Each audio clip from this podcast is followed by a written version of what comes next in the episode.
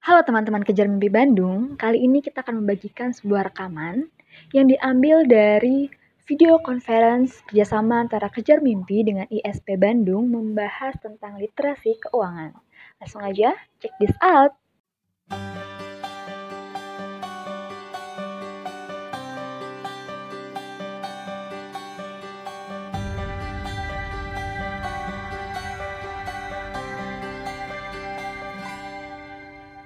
Datang di KM Rutin kelas yang kedua. Eh, hari ini kita akan membahas mengenai analisa fundamental. Nanti juga akan ada studi kasus dan praktek sedikit ya dari pemateri kita, Kang Ilham. Nah, sebelum masuk ke materi, kan ada istilah nih, tak kenal maka tak sayang. Nah, makanya saya mau sedikit membacakan mengenai profil pemateri kita hari ini, Kang Ilham. Nama lengkapnya adalah Muhammad Ilham Gunawan, lahir di Bandung 23 April 1999. Beliau masih mahasiswa di Sekolah Bisnis dan Manajemen ITB. Selain itu juga beliau pengurus dari ESP Bandung dan juga konsultan bisnis atau manajemen di Progressio Consulting Group. Betul ya, Ilham? Betul. Oke, berarti pengalamannya udah banyak nih ya di eh, apa namanya investasi saham khususnya. Di belum lah, masih sedikit saya. mah. Oh gitu. Oke oke oke. Nah, Ilham mungkin kita akan langsung masuk ke materi aja ya. Boleh. Nah, di slide yang selanjutnya, Kang, ada quotes ya saya lihat ini. Oh Nah, iya. ini price is what you pay, value is what you get. Dari Warren Buffett. Nah, Kang bisa dijelaskan nih, Kang, apa maksud dari quotes ini? Eh, untuk quotes ini saya taruh di awal karena sebagai pembuka. Ini yang akan kita cari tahu hari ini apa perbedaan dari kata price dan value yang dimaksud oleh Warren Buffett di, di sini. Jadi untuk eh, yang dimaksud Warren Buffett nanti bakal kita cari tahu bersama-sama melalui materi Baik. hari ini. Mm-mm. Oke. Selanjutnya nih, Kang. Kita kan hari ini mau membahas mengenai analisa fundamental ya. Betul. Nah, sebelum lebih lanjut, sebetulnya analisa fundamental itu apa sih, Kang?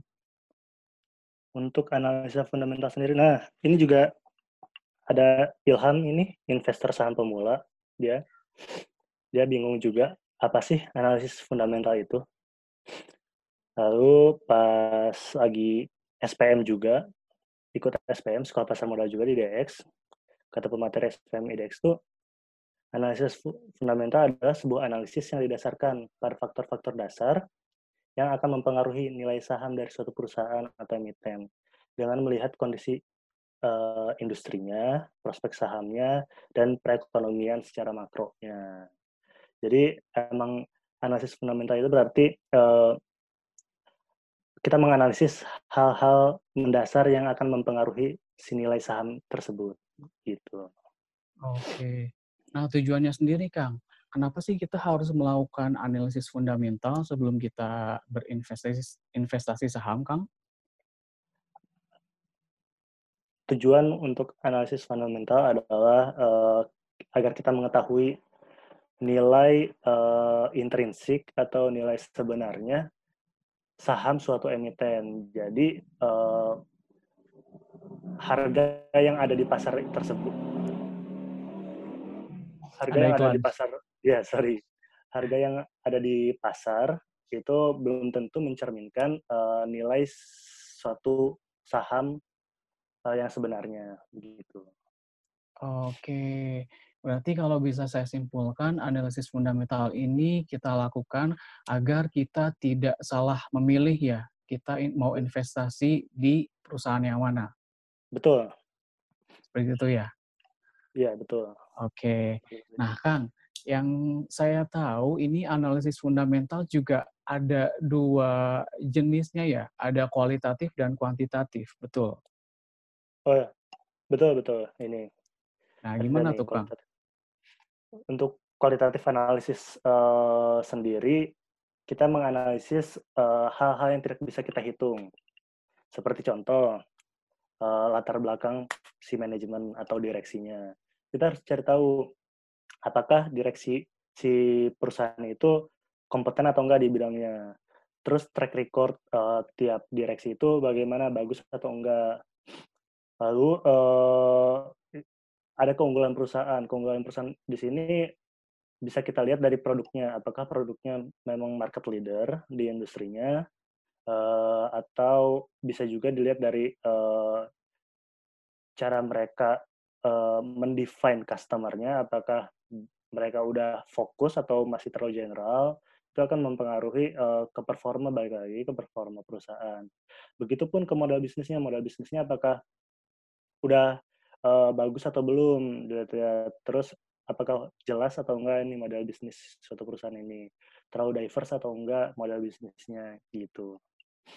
Okay. untuk kuantitatif analisis uh, ini hal-hal yang bisa kita uh, lihat berdasarkan angka atau bisa kita hitung. Contohnya uh, suku bunga Bank Indonesia atau dikenal sebagai BI Seven Days Reverse Repo Rate. Terus uh, performa perusahaan uh, bisa dilihat dari laporan keuangan secara historical, terus juga kekayaan perusahaan apakah bertumbuh atau malah uh, berkurang. Jadi uh, itu perbedaan kualitatif analisis dan kuantitatif analisisnya. Oke, berarti ini dua dua analisis ini memang harus dipakai ya Kang, dua-duanya untuk kita memilih eh, saham.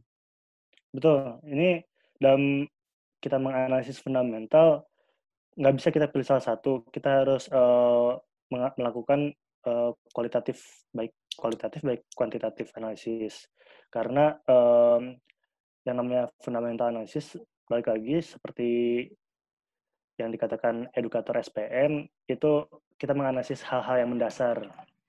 Hal-hal yang mendasar itu berarti ada yang kuantitatif ada yang kualitatif. Kita harus secara menyeluruh. Begitu Oke. Kalau ini Kang, untuk analisisnya, ini tuh cara kita tahu kayak ini yang analisis kualitatif ada manajemen, keunggulan perusahaan, model bisnis. Cara kita nyari tahunya gimana sih Kang? Apakah ada ada situsnya yang yang men-summary gitu perusahaan ini eh, analisisnya seperti apa? Ada nggak sih Kang? Kalau untuk kualitatif analisis, kita bisa melihat di annual report suatu perusahaan, nanti bakal saya tunjukin iya, laporan tahunan. Uh, jadi, uh, setiap perusahaan itu akan mempublikasikan laporan tahunan dan laporan keuangannya di idx.co.id. Nanti akan saya uh, tunjukin bagaimana bentukan laporan tahunan dan laporan keuangan. Oke, nih berarti buat teman-teman yang masih belum paham kalau nggak lihat contoh, saya juga sih belum paham kalau nggak ngelihat contoh nanti akan di, diperlihatkan ya Kang contohnya yang yang real di perusahaannya seperti apa. Betul. Nanti akan saya tunjukkan. Oke. Nah, selanjutnya ini kan sebelum kita uh, webinar ya Kang, saya sempat agak searching-searching dulu nih tentang materi hari ini. Nah, yes. ada istilah top down approach ya Kang. Itu tuh oh, iya. metode atau apa nih Kang maksudnya? Uh, ini untuk top down approach uh, itu salah satu pendekatan di analisis fundamental yang paling yang yang cukup terkenal. Top down approach ini kita melihat secara garis besar uh, ekonomi dimulai dari apa? Dimulai dari uh, makro atau situasi makroekonomi global. Indikatornya apa aja situasi makroekonomi global itu harga minyak dunia, terus uh, suku bunga The Fed, uh, dan yang lainnya. Terus untuk lokal ekonomi atau ekonomi nasional, kondisi makroekonomi nasional di Indonesia, itu bisa dilihat dari mana?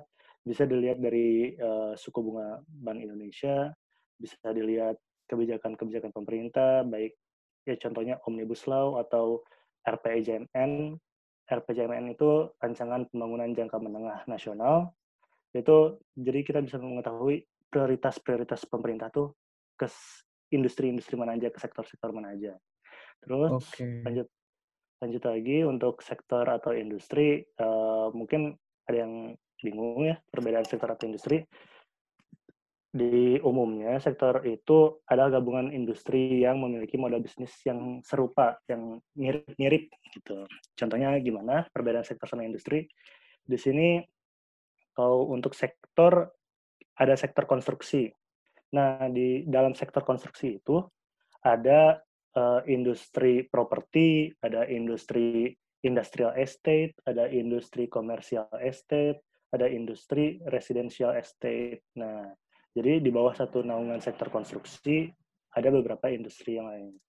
Nah, spesifik bisnis, analisis spesifik bisnis ini kita melihat uh, perusahaan mana yang relatif lebih bagus dibanding perusahaan lainnya yang satu industri gitu. Nah, untuk mengetahui spesifik bisnis ini, kita uh, investor biasanya melihat uh, dari laporan keuangannya, begitu. Oke, berarti kita dalam memilih saham nih, kita uh, tidak tidak harus terpaku dengan kondisi uh, tren saat ini. Misalkan Eh, perusahaan ini sedang sedang eh, banyak sedang maju, tapi kita juga harus melihat ke faktor-faktor ekonomi yang lain ya, Kang, seperti inflasi dan semacam itu ya? Betul betul, nan inflasi, uh, utang negara, terus prioritas pemerintah, kebijakan pemerintah, uh, regulasi, itu harus kita lihat, uh, secara menyeluruh, karena itu sangat berpengaruh ke performa industrinya. Kalau performa industrinya bagus, uh, bakal berpengaruh ke performa perusahaannya. Gitu. Oke. Nah, berarti buat teman-teman nih harus sering-sering baca ya. Baca koran, baca koran online tuh biasanya Kang Hervian ya yang suka yang, yang suka share koran online tuh. Jadi biar, biar kita melek juga gitu dengan kondisi perekonomian kita saat ini sebelum kita mulai untuk berinvestasi. Betul ya, Kang? Betul, betul. Ini ada contohnya, uh, ini kita bisa ngelihat harga minyak dunia dari oilprice.com kalau mau, atau dari Bloomberg juga bisa, atau dari website OPEC-nya sendiri juga bisa. Terus ini contoh harga minyak. Nah, kita juga selain melihat indikator-indikator barusan, kita harus sering-sering baca artikel dari uh, berbagai sumber ya. Ini saya ambil contoh dari BCG, Boston Consulting Group. Dia perusahaan konsultan uh, bisnis, konsultan manajemen juga yang salah satu terbesar di dunia. Dia dia membuat artikel di sini uh, harapan investor di tengah krisis seperti ini. Nah, untuk indikator makroekonomi Indonesia ini saya udah buat summary-nya uh, dari 2016 sampai 2020 forecast tapi dari 2020-nya ada GDP, ada pertumbuhan GDP, ada bu, suku bunga Bank Indonesia, ada rupiah terhadap dolar, ada utang luar negeri Indonesia, ada uh, defisit atau surplusnya APBN kita. Nah, itu semua bisa kita dapetin di berbagai sumber gitu. Oke, berarti ini contoh uh, saat ini ya, Kang? Iya. Makroekonomi uh, Indonesia saat ini ya? Iya. Sama okay, perkembangannya okay. dari 2016 sampai 2020. Oke. Nah, selanjutnya Kang, selain dari yang sudah dibahas tadi ada analisa kualitatif, kuantitatif, kemudian ada top down approach dan tadi juga sempat uh, diperlihatkan yang kondisi oil price ya, Kang? Betul. Oil price sama yang terakhir tadi adalah kondisi makroekonomi Indonesia saat ini yang sedikitnya mungkin terpengaruh dengan pandemi COVID-19 ini ya? Iya. Nah, selanjutnya nih Kang, selanjutnya saya dengar juga selain uh, istilah-istilah yang tadi juga ada istilah satu lagi namanya financial ratio. Betul ya, Kang? Oh iya, betul betul betul. Ini nah, ya, financial rasio ini bisa dijelaskan, Kang, maksudnya apa?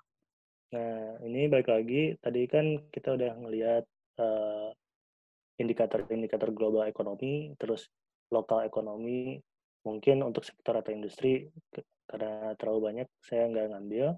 Nah langsung saja ke spesifik bisnis materi kita fokus materi kita hari ini ini spesifik bisnis ini seperti yang saya bilang tadi kita bisa melihat dari laporan keuangan. Tapi laporan keuangan itu kan panjang ya. Nah, ya. bingung juga angka-angkanya, makanya kita buat rasio di keuangan itu. Di keuangan ada liquidity ratio, ada activity ratio, ada profitability ratio, ada debt ratio, ada market ratio. Nah, pengertiannya apa dari masing-masing rasio itu? Untuk liquidity ratio, uh, ini adalah rasio yang membahas atau kita menganalisa kemampuan si perusahaan dalam membayar utang jangka pendeknya atau utang lancarnya. Nah, untuk activity ratio, kita melihat seberapa produktif si perusahaan atau seberapa efisien uh, kegiatan produktif atau operasionalnya si perusahaan. Nah, untuk profitability ratio, kita melihat seberapa uh, besar kemampuan perusahaan dalam mengembalikan modal yang disetornya. Nah, untuk uh, debt ratio, ini kita melihat uh, total utang, total utang suatu perusahaan terhadap total aset, baik total aset ataupun total modal yang disetor mereka. Nah, dari empat rasio ini kita pada akhirnya dapat melihat uh, market rasio si perusahaan. Ada earning per share, ada PER, ada BVPS, ada PBV, ada DPR, ada DY. Nah, itu nanti kita akan bahas di slide selanjutnya. Oke, berarti kalau bisa saya simpulkan, ini financial ratio in, ini ada lima ya liquidity ratio itu eh, mengukur kemampuan perusahaan untuk eh, kewajiban keuangan saat ditagih gitu ya. Betul, mengendalikan utang jangka pendeknya ya. Utang jangka pendek. Oke, berarti hmm. itu yang di-highlight ya, utang jangka pendek. Kemudian ada productivity ratio adalah mengukur kemampuan perusahaan untuk menghasilkan produk ya, Kang. Iya. Nah, Oke, kemudian probability ratio ini mengukur kemampuan perusahaan untuk menghasilkan profit atau keuntungan ya? Iya, betul. Betul. Selanjutnya ada debt ratio itu kemampuan perusahaan untuk apa nih Kang? Total utang ya De tadi? Ratio ini ya kita mengukur total utang uh, total utang perusahaan terhadap total aset atau modal yang disetor. Nah, oke. Okay. Yang terakhir dari keempat rasio yang lain, nanti kita bisa menentukan market rasionya seperti apa, betul ya? Iya, kita bisa melihat market rasionya gimana perusahaan itu. Oke. Okay.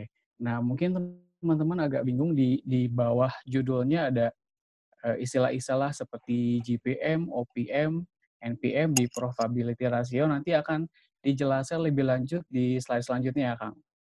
Ya, kita apa langsung mulai aja ya? Boleh, boleh. Boleh ya. Nah, ini pertama untuk liquidity ratio dulu ya. Uh, kita tadi ada current ratio, ada quick ratio, ada cash ratio. Kalau ini current ratio ini kita membandingkan aset lancar uh, suatu emiten atau perusahaan dibanding dengan utang lancarnya. Nah, aset lancar itu berupa apa aja? Berupa kas, uh, uang tunai, uh, terus marketable securities atau dalam bentuk deposito, deposito perusahaan, piutang usaha, terus dan uh, inventory uh, si produk perusahaan itu. Nah, dibanding current liabilities, current liabilities itu utang lancar, utang lancar itu bisa utang terhadap supplier kita atau uh, utang yang akan jatuh tempo dan kurun kurang dari satu tahun. Nah itu utang lancar. Nah, Oke. maaf jadi, Kang, hmm? saya potong sebentar, maaf ya. Oke. Okay. Nah, eh, teman-teman, saya tadi lupa bilang, kalau misalkan ada pertanyaan nanti yang dirasa masih bingung, teman-teman bisa langsung uh, ajukan pertanyaannya di chat box yang ada di aplikasi Zoom ya. Nanti akan saya uh, bacakan pertanyaan teman-teman dan saya tanyakan ke Kang Ilhamnya langsung. Oke, silahkan dilanjutkan. Oke. Siap. Tadi current ratio, utang lan eh, aset lancar dibagi utang lancar. Lalu ada quick ratio. Quick ratio ini kita uh, aset lancar inventory kita. Kenapa ada uh, rasio yang berbeda dengan ratio ini? Karena ada beberapa industri yang inventorinya belum tentu uh, gampang dijual. Seperti apa contohnya industri properti. Uh, properti industri properti menjual rumah kan, satu rumah produknya perumahan. Nah, uh, inventory properti uh, di industri properti ini kita tahu tidak bisa uh, segampang kita jual makanan atau jual gorengan lah, jual gorengan. Makanya kita uh, kayaknya kurang relevan nih melihat kemampuan suatu perusahaan di industri properti jika menggunakan current ratio karena ada inventory tersebut uh, lebih relevan untuk quick ratio, quick ratio formula karena ada pengurangan. Jadi benar-benar kita melihat kas dan setara kasnya uh, berapa start dan piutang usahanya gitu. Nah, eh, pembaginya sama tetap dibagi utang lancar juga, karena kemampuan membayar kewajiban jangka pendek. Terus untuk cash ratio ini, piutang usahanya yang eh, kita kurangkan. Karena apa? Karena ada eh, beberapa perusahaan yang memang kebijakan eh, perusahaannya itu menagih piutang ke bayarnya bisa berapa lama. Nah, itu tuh ada nanti kalau misalkan uh, teman-teman belajar finance lebih dalam lagi, uh, ada yang namanya uh, collection period sama payment period. Itu nanti ada di activity ratio. Jadi kita kalau di cash ratio ini benar-benar melihat kas dan setara kas. Setara kas itu yang dimaksud deposito. Deposito perusahaan terhadap utang lancar. Gitu. Boleh lanjut ya? Oke, okay, silahkan Kang. Nah, untuk activity ratio, ini ada asset turnover, ada inventory turnover, ada average payment period, ada average collection period. Nah, untuk asset turnover ini kita melihat uh, penjualan penjualan bersihnya itu bisa dilihat dari mana? Dari revenue, dari pendapatan usaha. bukan bukan net income ini revenue uh, yang memang bersih dari penjualan. Dibagi apa? Dibagi eh, rata-rata uh, total aset si perusahaan. Rata-rata yang dimaksud berarti uh, aset di awal periode uh, tahun berjalan ditambah uh, aset di akhir periode dibagi dua gitu. Itu artinya apa? Turnover ini kita dapat melihat uh, seberapa uh, efisien si aset ini dalam menghasilkan uh, pendapatan. Kalau misalkan uh, as, aset turnovernya 0,8, itu berarti setiap dolar di aset menghasilkan 80 sen, 80 sen dolar gitu. Atau 10 ribu uh, rupiah di aset menghasilkan 8 ribu rupiah untuk pendapatannya. Nah, itu tinggi, itu itu udah termasuk yang tinggi. Nah, untuk okay. inventory, untuk inventory ini kita melihat uh, material kita COGS kita yang kita beli. Nilai COGS kita uh, terhadap uh, inventory yang cadangan produk di akhir periode kita. Di awal sama di akhir. Di, di akhir periode itu kita mengetahui inventory turnover itu berapa kali perputaran uh, cadangan produk di gudang kita sama periode tahun buku itu atau periode berjalan atau dalam satu tahun. Jadi misalkan inventory turnover-nya lima kali nih nanti, berarti ada lima kali perputaran. Jadi si gudangnya itu penuh, kosong, penuh, kosong, penuh, kosong dalam lima kali. Nah, itu maksudnya inventory turnover itu. Itu lanjut lagi untuk average payment period, ini kita uh, mengetahui uh, si perusahaan ini membayar utangnya tuh berapa lama sih dalam kurun satu tahun misalkan. Apakah 80 hari atau 90 hari? Nah, itu nanti uh, kalau misalkan lebih dalam lagi di finance, di keuangan, kita bisa mengetahui. Kita bisa mengetahui nanti ujung-ujungnya balik lagi ke uh, fungsi average payment period dan average collection period ini uh, fungsinya untuk mengetahui uh, modal awal awal untuk menjalani usaha gitu Nah, untuk average collection period kita dapat uh, melihat kemampuan perusahaan dalam menagih piutang terhadap bayarnya. Ini berfungsi uh, balik lagi ke investasi yang dibutuhkan untuk melakukan kegiatan operasional dalam periode selanjutnya dan juga melihat seberapa lancar kas yang ada di perusahaan. Begitu. Oke, berarti summary yang saya tangkap ini ya Kang, uh, yang aset turnover ini seberapa efisien aset yang ada di perusahaan dalam menghasilkan laba, gitu Ya. ya? Kemudian inventory turnover ini mengukur perputaran, uh, produk yang ada di gudang, seberapa cepat Ya. dia keluar dari gudang gitu ya? Betul. Nah, kemudian average payment ini, uh, mengukur berapa lama perusahaan bayar, uh, utangnya. Iya. Atau betul. Yang Betul. terakhir dia average collection period itu mengukur, eee, waktu perusahaan menagih utang ke bayarnya gitu ya, Kang? Iya, piutang usahanya. Piutang usaha, oke. Silahkan dilanjut, Kang. Lanjut ya, untuk profitability, uh, ada gross profit, ada operating, ada net profit. Ini gross profit ini laba kotor, margin laba kotor uh, usaha dibanding pendapatannya. Kalau untuk operating profit ini uh, pendapatan operasional, pendapatan operasional perusahaan dibanding pendapatannya. Uh, dan untuk net profit ini pendapatan bersih dibanding uh, pendapatannya.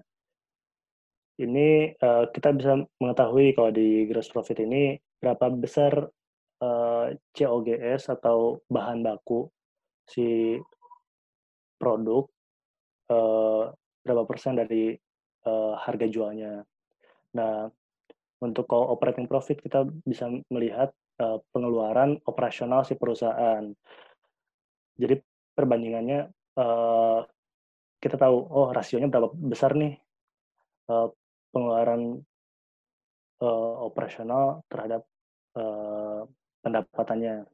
Nah, untuk net profit ini pengurangan operasional usaha, eh, eh, pendapatan operasional dikurang terhadap bunga eh, pinjaman atau bunga bank dan juga pajak usaha.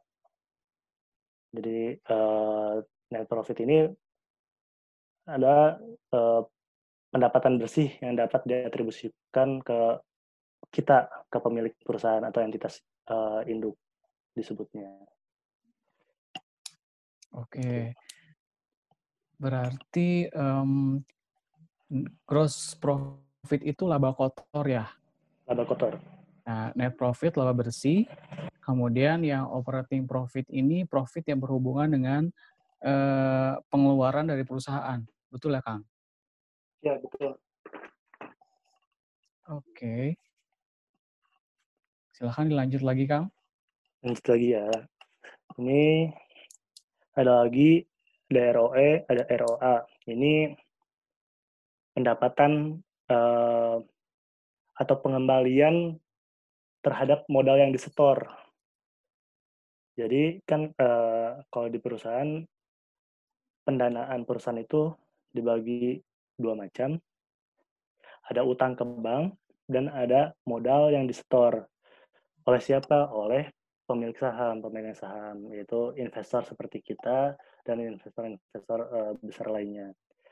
Nah, ini pengembalian uh, berapa, seberapa besar sih laba yang dihasilkan terhadap modal yang disetor oleh pemegang saham.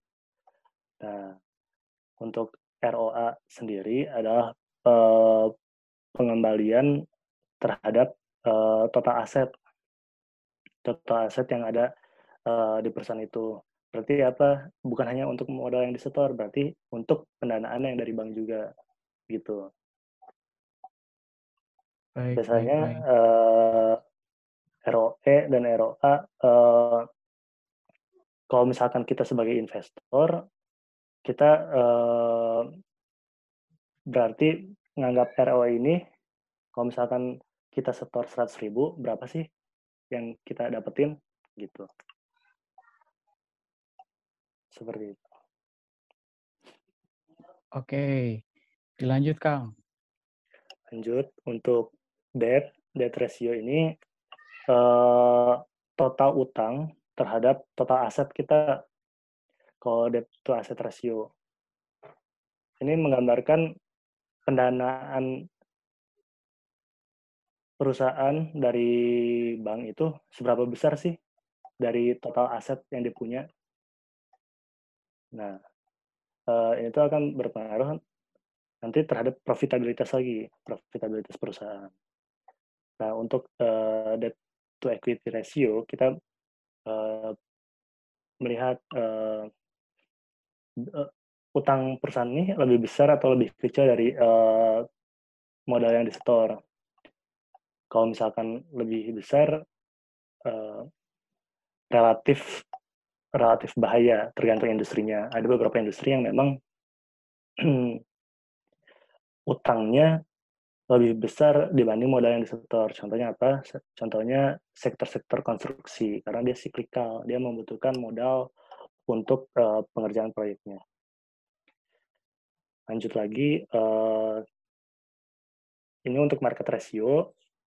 setelah kita menganalisis semuanya, kita dapat uh, PER-nya, EPS-nya, book value-nya, sama PBV-nya. Pertama, kita pasti akan mendapatkan earning per, earning per share-nya dulu. Dari apa? Dari net income tadi. Ini kan ada dikurang preferred dividends ya. Nah, biasanya itu di luar negeri. Kalau di Indonesia, jarang yang uh, mengeluarkan stok prefer stok preferensi. Biasanya langsung stok biasa aja, common stock. Nah, ini tuh dibanding uh, dibagi dengan uh, total uh, saham yang beredar di pasar. Nanti kita dapat pendapatan uh, per lembar saham itu untuk apa? Untuk mengetahui untuk mengetahui uh, seberapa seberapa mahal atau murahnya uh, lembar saham itu uh, dibanding uh, pendapatan per lembar sahamnya atau seberapa besar sih perkaliannya si per lembar saham itu dengan pendapatan uh, sahamnya per lembar sahamnya kita dapat per nah kita uh, juga bisa tahu nih kita dapat uh, book value. Book value ini kita uh, tahu nih dari total modal, total modal uh, pemegang saham dibanding dengan jumlah saham yang beredar. Ini shareholders equity ini dapat dari mana? Nanti dari net profit.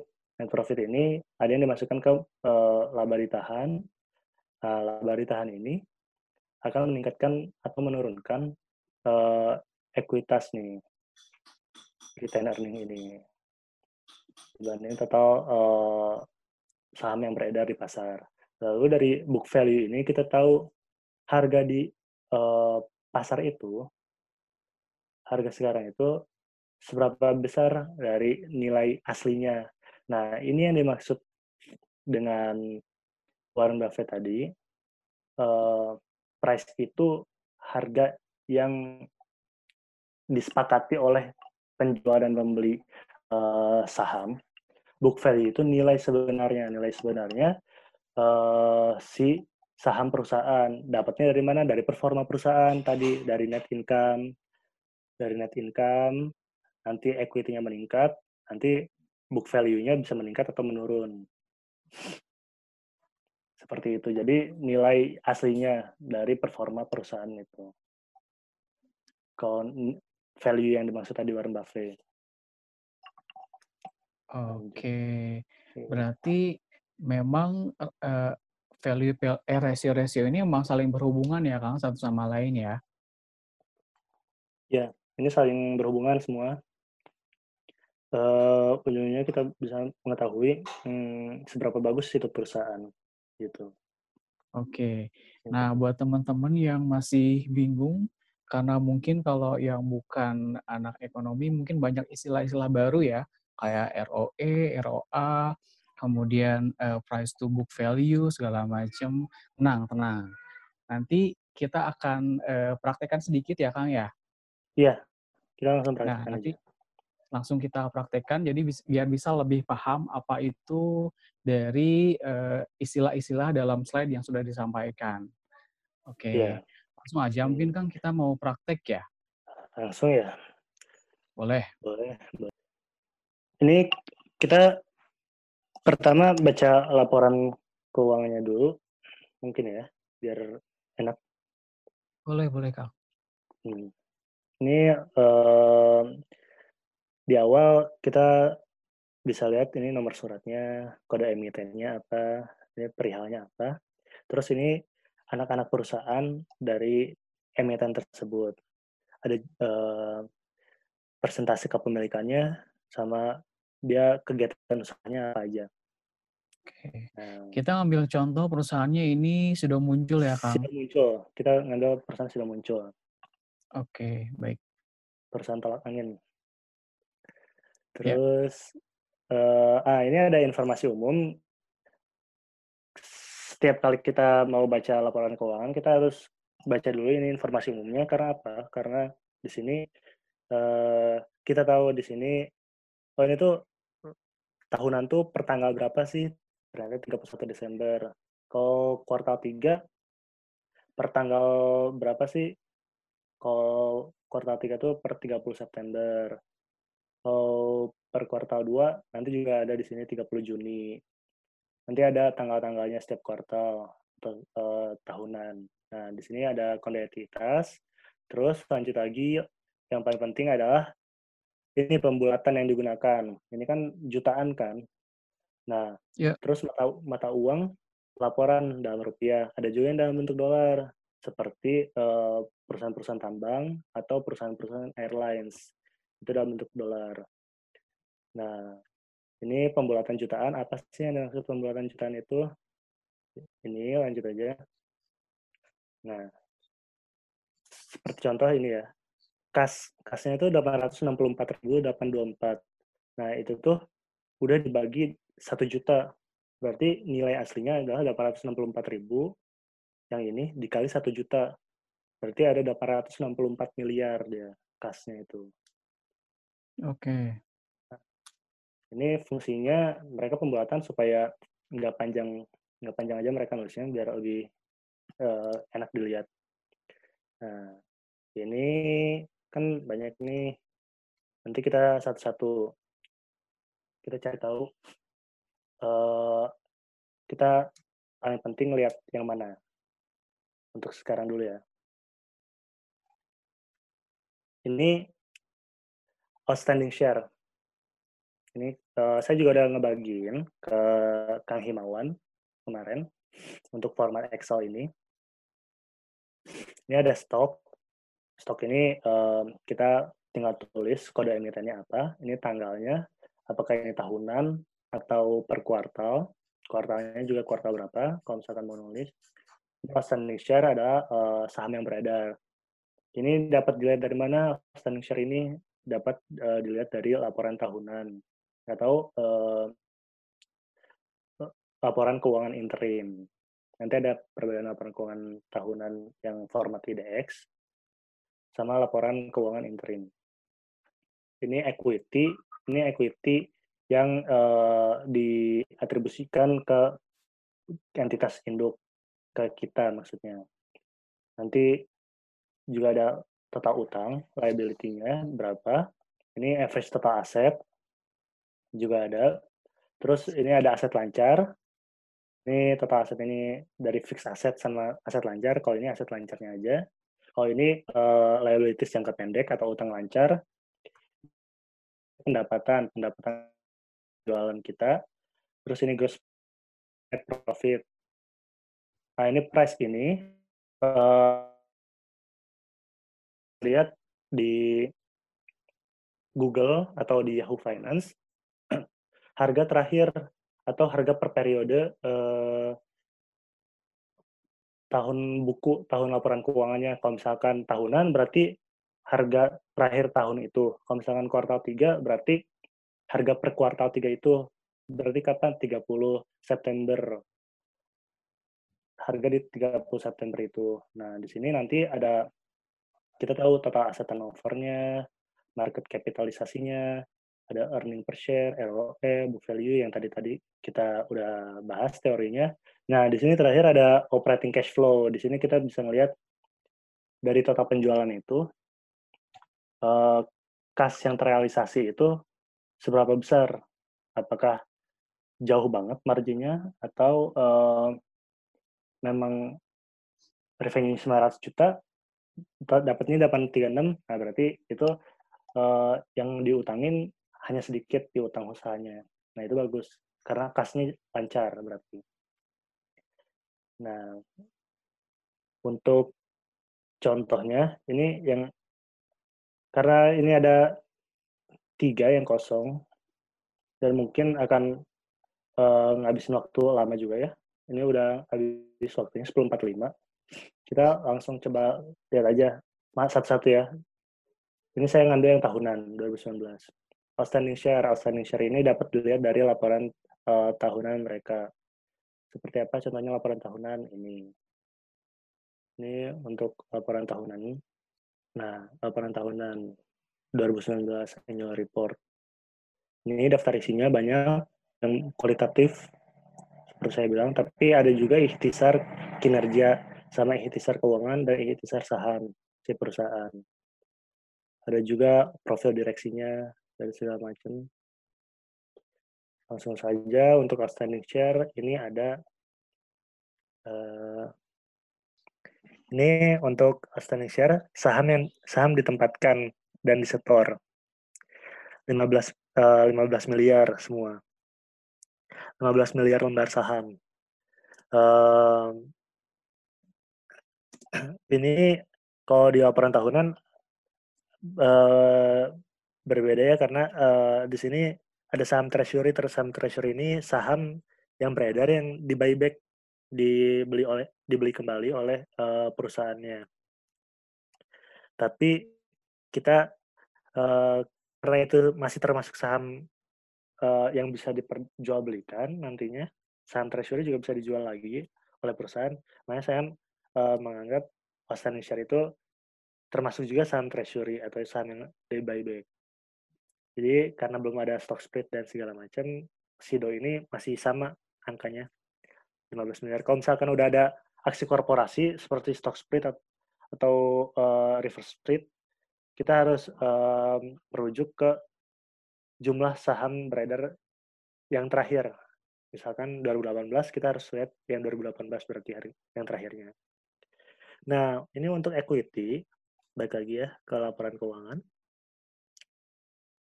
Nah, ini untuk equity. Sorry tadi kepencet. Equity ini kita jumlah ekuitas yang diatribusikan kepada pemilik entitas induk. Itu maksudnya kita. Ini ada 3, 3 juta 64,7. Tapi udah saya masukkan ini dibanding satu miliar karena uh, biar angkanya singkat, angkanya kecil aja. Terus lanjut lagi uh, ke liabilities. Total utang, total utang perusahaan. Nah, ada di jumlah liabilities 472 191. Lanjut ini untuk average total asset. Kita ngelihat total aset di sini jumlah aset ini dita ini ditambah ini dibagi dua. Kalau average total asset itu. Nah, untuk aset lancar, kita bisa ngelihat ini 1716235 ini. Terus untuk uh, utang jangka pendek, kita bisa melihat uh, di sini 416 211 ini. Untuk pendapatan kita scroll ke bawah. Nah, ini adalah uh, laporan laba ruginya, income statement-nya. Ini revenue-nya 3067434. Kita langsung masukkan ke sini. Terus untuk gross profit-nya juga udah uh, ada 1680,564 sama net profit-nya. Net profit-nya itu uh, kita ngelihat yang uh, laba rugi yang dapat diatribusikan ke entitas induk ini 807 689. Nah, ini kan ada yang komprehensif. Yang komprehensif di sini uh, itu biasanya selisih kurs. Jadi perusahaan itu ada cadangan dolar. Nah, biasanya selisih kurs ini dimasukkan ke pendapatan komprehensif. Bisa rugi, bisa naik. Tapi untuk pendapatan asli yang kita terima sebagai investor itu yang laba rugi yang dapat diatribusikan ke entitas induk. Nah, ini untuk price, kita dapat melihat di, kalau saya kan biaya Yahoo Finance, kita tulis sido.jk berarti. Sebelumnya kelihatan nggak ini share-nya? Kelihatan, Kang. Kelihatan ya. Nah, karena saya ngambil tahunan, berarti uh, harga terakhir di tahun tersebut. Di perdagangan tahun tersebut.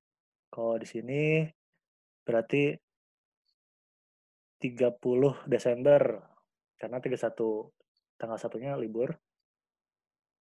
Uh, 30 Desember ini 1275. Nah, makanya saya masukin di sini 1275 rupiah. Nanti dapat total aset turnover-nya tadi uh, aset uh, apa revenue dibagi total aset, terus market kapitalisasinya, terus earning per share-nya, ROE, book value segala macam. Uh, nanti teman-teman bisa lihat sendiri rumus-rumusnya. Balik lagi ke rumus-rumus yang tadi di PPT sama yang di Excel udah ada. Nah, ini semua udah dapat kita ngelihat operating cash flow-nya operating cash flow-nya lihat di mana. Ada lagi di laporan keuangan. Laporan keuangan di bagian paling bawah di laporan arus kas. Nah operating cash flow ini kita bisa melihat di sini nih jumlah arus kas bersih yang diperoleh dari aktivitas operasi 836914 gitu nanti kita tahu oh PBV-nya 624, PR-nya 23,68, DAR-nya 0,15, ROE-nya 26,35, terus eh, kasnya 836. Begitu kira-kira untuk analisis fundamentalnya. Oke. Berarti itu praktiknya sudah selesai ya, Kang? Udah. Oke. Nah, sekarang kita lanjut ke ini ya Kang, karena materi tadi sudah, kemudian eh, studi kasus tadi sudah sedikit yang oil price, kemudian eh, praktik juga sudah eh, di perusahaan sudah muncul. Kita masuk ke sesi tanya jawab aja kali ya Kang? Boleh, boleh. Boleh. Nah, buat teman-teman yang masih ada yang nggak ngerti atau mau ditanyakan, silahkan ditulis di chat box yang ada di aplikasi Zoom. Nah, ini ada beberapa pertanyaan yang sudah masuk ke saya nih. Yang pertama itu dari L. Nih, Kak, apa inti nganalisis fundamental bakal sesusah itu? Maksudnya nanti, nanti nganalisis fundamental bakal sesusah itu. Ada nggak apps yang bisa men-summary semuanya, jadi kita tinggal lihat dan eh, tinggal lihat summary itu. Ada nggak, Kang? Apps untuk atau mungkin situs? Hmm. Untuk aplikasi ya, untuk aplikasi biasanya di setiap sekuritas ada. Contoh ya, contohnya saya ambil di di Indo Premier ya, karena saya uh, sekuritasnya Indo Premier. Bentar, internetnya lama ini. Hmm.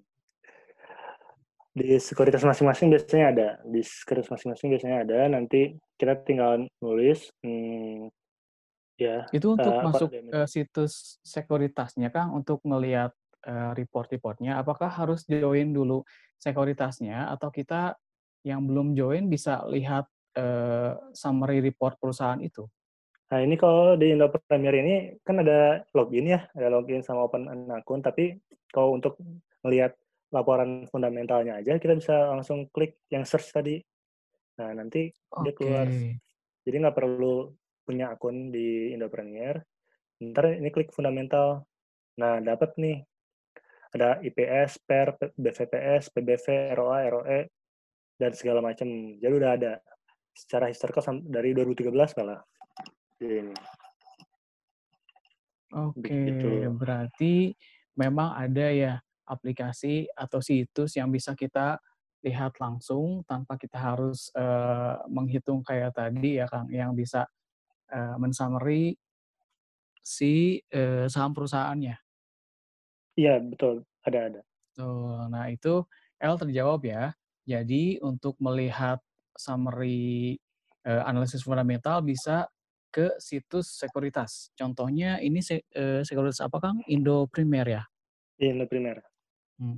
Indo Primer nanti tinggal di search perusahaan yang ingin dilihat uh, analisis fundamentalnya. Ya. Oke. Okay. Yang selanjutnya dari Kak Bintang. Kak, ini berarti kan kalau misal kita mau investasi di sebuah perusahaan, harus tahu dulu kualitas si perusahaannya. Yang berarti perlu tahu dan baca-baca laporan keuangan perusahaannya kan ya. Berhubung saya yeah. bukan anak ekonomi, punya rekomendasi buat belajar lebih dalam lagi terkait analisis fundamental ini, misalkan buku, YouTube, atau channel belajar lain, Kak? Kalau untuk uh, buku, kalau untuk buku uh, ada uh, Intelligent Investor itu uh, ini Benjamin, gurunya gurunya Warren Buffett atau uh, Warren Buffett Way juga ada untuk yang value investing. Value investing ini memang berdasarkan analisis fundamental. Jadi itu uh, tidak hanya mindset si penjabaran mindset Warren Buffett, tapi juga memang pemahaman-pemahaman uh, logika ekonomi uh, di situ juga dijabarkan di buku-buku tersebut. Atau misalkan kalau misalkan uh, bahasa Indonesia-nya uh, anak muda miliarder saham uh, bukunya Andika itu juga bagus, itu juga bisa kalau untuk uh, dapetin mindsetnya. Kalau untuk baca-baca ekonomi yang makro tadi, itu memang harus sering-sering baca sendiri di situs-situs Bloomberg, atau di misalkan kontan juga boleh kalau untuk nasionalnya uh, bisa lihat di IDX juga dan segala macam. Memang kalau okay. untuk makro belajar makroekonomi kita harus sendiri belajar sendiri gitu. Hmm, oke. Okay. Kalau untuk belajar uh, spesifik saham juga saya pikir di YouTube juga sudah banyak ya Kang video-video uh, yang membahas mengenai uh, dasar-dasarnya untuk pemula seperti apa sampai ke tingkatnya yang advance seperti uh, analisis yang teknikal juga ada di YouTube ya sebetulnya. Ada ada, semuanya ada di YouTube. Udah terbuka semua. Oke, berarti untuk pertanyaan tadi sudah terjawab ya. Nah, pertanyaan selanjutnya dari Nadia. Nah, menurut Kak Ilham, perusahaan-perusahaan di Indonesia yang punya fundamental bagus buat dipelajari laporan keuangannya apa aja ya selain sudah muncul?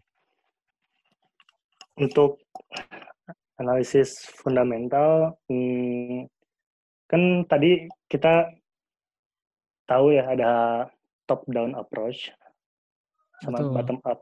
Ada lagi ada yang ya. namanya bottom up approach.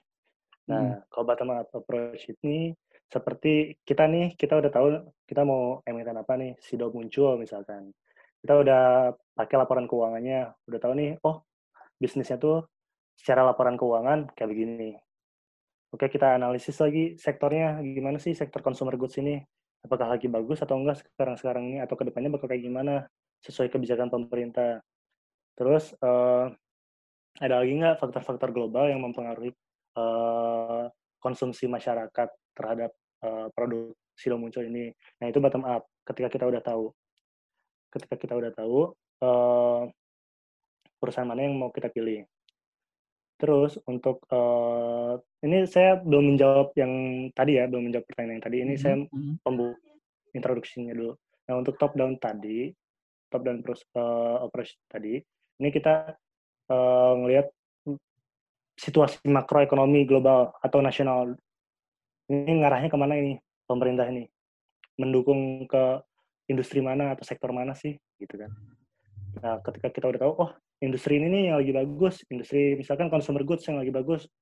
Terus pas kita lihat oh, di uh, industri consumer goods ini ada uh, Unilever, ada Mayora, ada sudah muncul, ada KB Pharma, ada segala macam. Nah, ini kita jabarin.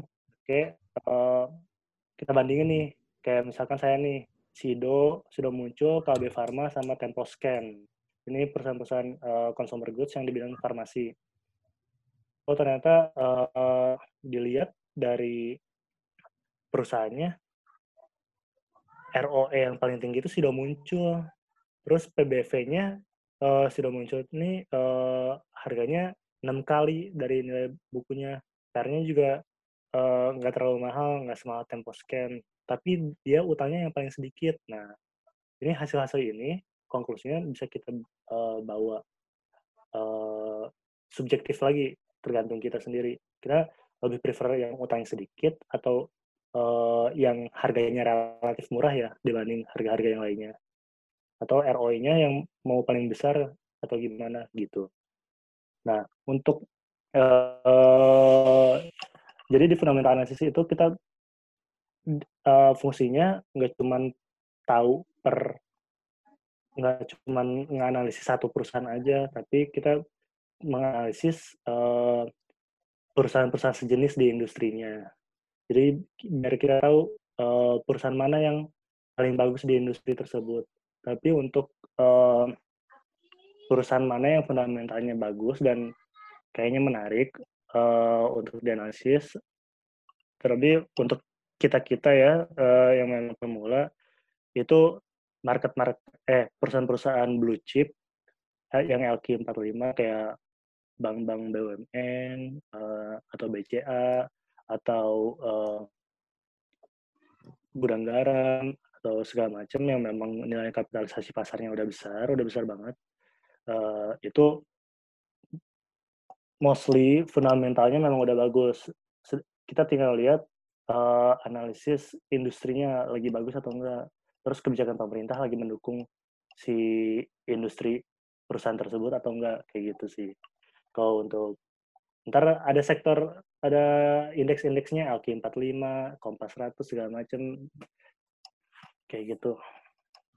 Oke, berarti itu tergantung kitanya ya. Kita mau cari di sektor apa, kemudian hmm. kita bandingkan perusahaan-perusahaan sejenis di sektor yang sama, mana yang paling bagus gitu ya, Kang? Betul, berdasarkan laporan keuangan tadi. Mm-mm, berdasarkan laporan keuangan tadi. Oke, yang selanjutnya ini ini pertanyaan dari Himawan. Nah, menurut Kang Ilham, dengan menggunakan analisis fundamental ini, apakah bisa digunakan dalam kasus virus COVID sekarang ini? Sangat bisa. Sangat bisa karena uh, analisis fundamental ini dia balik lagi analisis yang menyeluruh hal-hal analisis hal-hal mendasar yang menyeluruh yang komprehensif contoh contoh untuk uh, COVID ini ya. Untuk COVID ini kita tahu uh, pariwisata sektor pariwisata dan sektor airlines lagi turun. Kenapa sih bisa kayak gitu?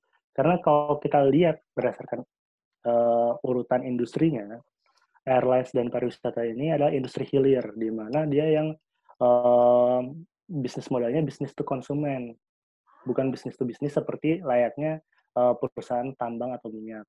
Nah, ketika ada kebijakan pemerintah, contohnya social distancing, yang membatasi uh, pergerakan uh, rakyat atau warga atau consumers, itu berarti dapat mempengaruhi sales kita.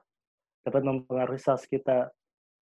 Apalagi di pariwisata dan airlines yang memang um, tingkat mobilitasnya sangat tinggi, yang memang sangat berpengaruh terhadap jumlah si konsumer itu, gitu. Kuantitasnya itu dari jumlah konsumer. Jadi untuk analisis fundamental seperti sekarang untuk menganalisis COVID atau pandemi ini itu sangat bisa. Oke, berarti memang eh, kejadian-kejadian yang terjadi juga mempengaruhi ke eh, ekonomi dan dan perusahaan-perusahaan yang ada ya. Seperti sekarang ini karena ada pandemi COVID, berarti sektor-sektor yang terpengaruh itu sektor eh, pariwisata dan transportasi ya seperti yeah. airlines airlines seperti itu.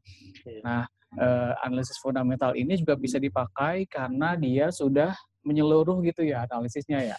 Sudah menyeluruh. Karena ketika kita analisis fundamental, kita akan belajar lebih jauh tentang ekonomi. Nah, hmm, okay. uh, eh, ada beberapa sektor yang memang uh, termasuk industri hilir juga. Contohnya consumer goods. Tapi kalau consumer goods ini uh, dia uh, industri hilir, cuman dia primer, kebutuhan primer. Nah, beda lagi dengan pariwisata dan airlines. Dia kebutuhan sekunder. Jadi, tentu secara psikologis manusia, ketika lagi krisis seperti ini, kita akan mengutamakan kebutuhan primer kita dulu. Sama-sama hilir, tapi beda tingkatan uh, kebutuhan ekonominya. Yang satu primer, yang satu sekunder. Makanya yang paling berdampak adalah yang sekunder. Sedangkan consumer goods masih ada pemasukan relatif lebih banyak. Begitu kira-kira. Oke. Teman-teman ada yang mau ditanyakan lagi? Mumpung masih ada sedikit waktu, jadi bisa langsung chat di chat box-nya aplikasi Zoom ya. Sebentar ya, Kang. Iya. Yeah. Ini Mungkin dari Akang sendiri ada yang mau disampaikan lagi, memperjelas materi atau pertanyaan yang tadi sambil menunggu ada yang nanya? Ini Kang, ada lagi pertanyaan. Iya. Di antara semua komponen financial rasio yang tadi, kan banyak tuh Kang. Apakah yeah. semua harus dianalisis Kang? Soalnya eh, kita yang yang awam gitu maksudnya yang baru terjun di, di dunia investasi, apakah memang harus di perhitungan semuanya, Kang? Atau ada misalkan satu atau dua yang memang wajib, nah yang lainnya mungkin bisa bisa eh, tidak diperhitungkan gitu, Kang? Atau memang harus semuanya? Kalau untuk analisis fundamental ini kita semua rasio keuangan itu penting untuk kita sebagai uh, investor karena uh, kalau kita memang bertujuan untuk investasi berarti kita harus memiliki uh, sense kepemilikan si perusahaan tersebut. Nah, rasio finansial semua yang tadi disebutin itu menggambarkan performa perusahaan secara menyeluruh, jadi wajib. Tapi untuk awal-awal mungkin uh, daripada langsung pusing semuanya, uh, step by step aja kalau misalkan bisa diurutin, mungkin tadi balik lagi yang dari Indo Premier tadi, kita bisa melihat uh, kita bisa melihat mungkin return on equity-nya. Jadi um, pendapatan yang modal kita yang di store itu return on equity atau kita bisa melihat pernya uh, itu relatif lebih rendah atau lebih tinggi dibanding industri, eh, perusahaan sejenisnya. Dan uh, bisa juga lihat uh, utangnya. Utang terhadap uh, modal kita berapa besar nah itu mungkin yang paling uh, bisa sebagai awal-awal step by stepnya sebelum daripada langsung semuanya di kita terima ya langsung mm-hmm. kita pelajarin. Jadi step by step aja dulu. ROE dari profitability ratio, terus utangnya bagus atau enggak, kecil atau enggak gitu kan.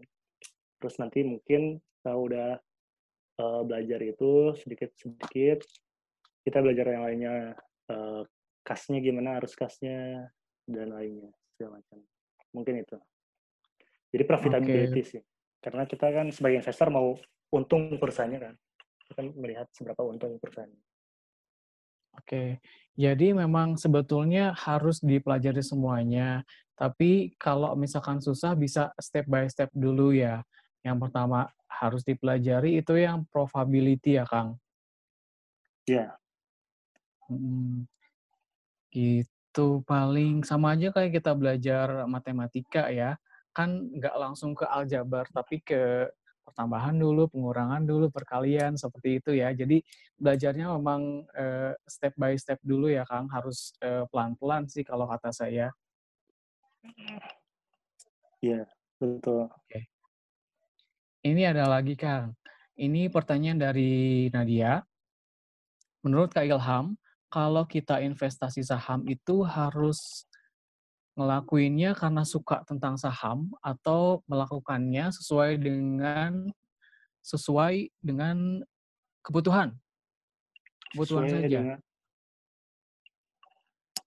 Untuk gimana tadi untuk analisis untuk Kalau analisisnya kita ya? mau kalau kita mau investasi saham itu sebetulnya, motivasinya mungkin ya, motivasinya mungkin karena kita suka saja atau, eee, karena kita butuh? Maksudnya bisa dijadikan sebagai apa ya, eee, mata pencaharian mungkin ya? Atau kita karena suka tentang saham aja?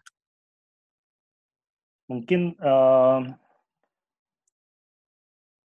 tergantung ya, tergantung individunya. Tapi, mmm, biasanya ada individu yang memang kalau lagi butuh kan dia pasti bakal konsisten dan serius di bidang itu. Eee, jadi ada hasilnya nanti di kemudian hari, dia akan bertumbuh nilai asetnya dari saham itu, karena dia merasa butuh itu. Ada juga yang memang, eee, suka dia, suka ngulik suka ngulik, eee, ekonomi, suka ngulik persahaman kalau bisa kita bilang. Terus, eee, tanpa disadari dia juga nyicil nyicil nyicil nyicil nyicil, karena dia ngerasa, "Oh ini ada perusahaan bagus nih, terus ada ekonomi lagi kayak gini."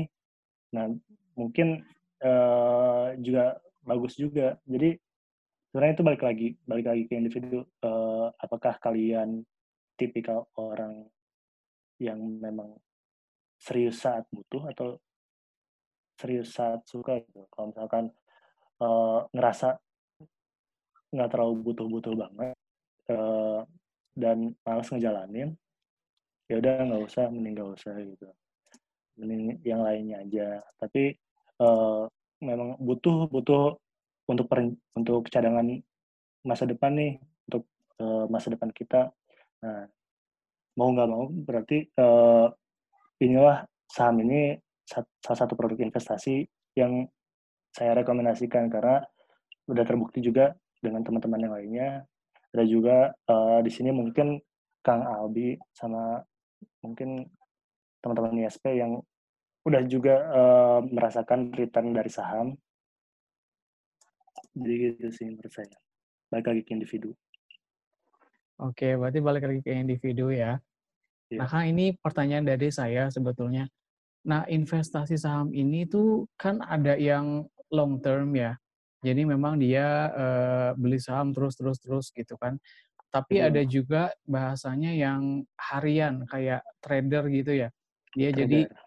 lihat, eee, saham yang akan untung Lagi apa, kemudian ketika harganya sedang tinggi, langsung dia jual lagi.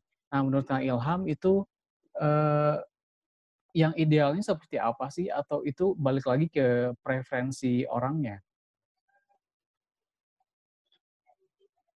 Kan sebelum kita investasi itu kita, eee, dilihat, eee, profil resiko tiap individu.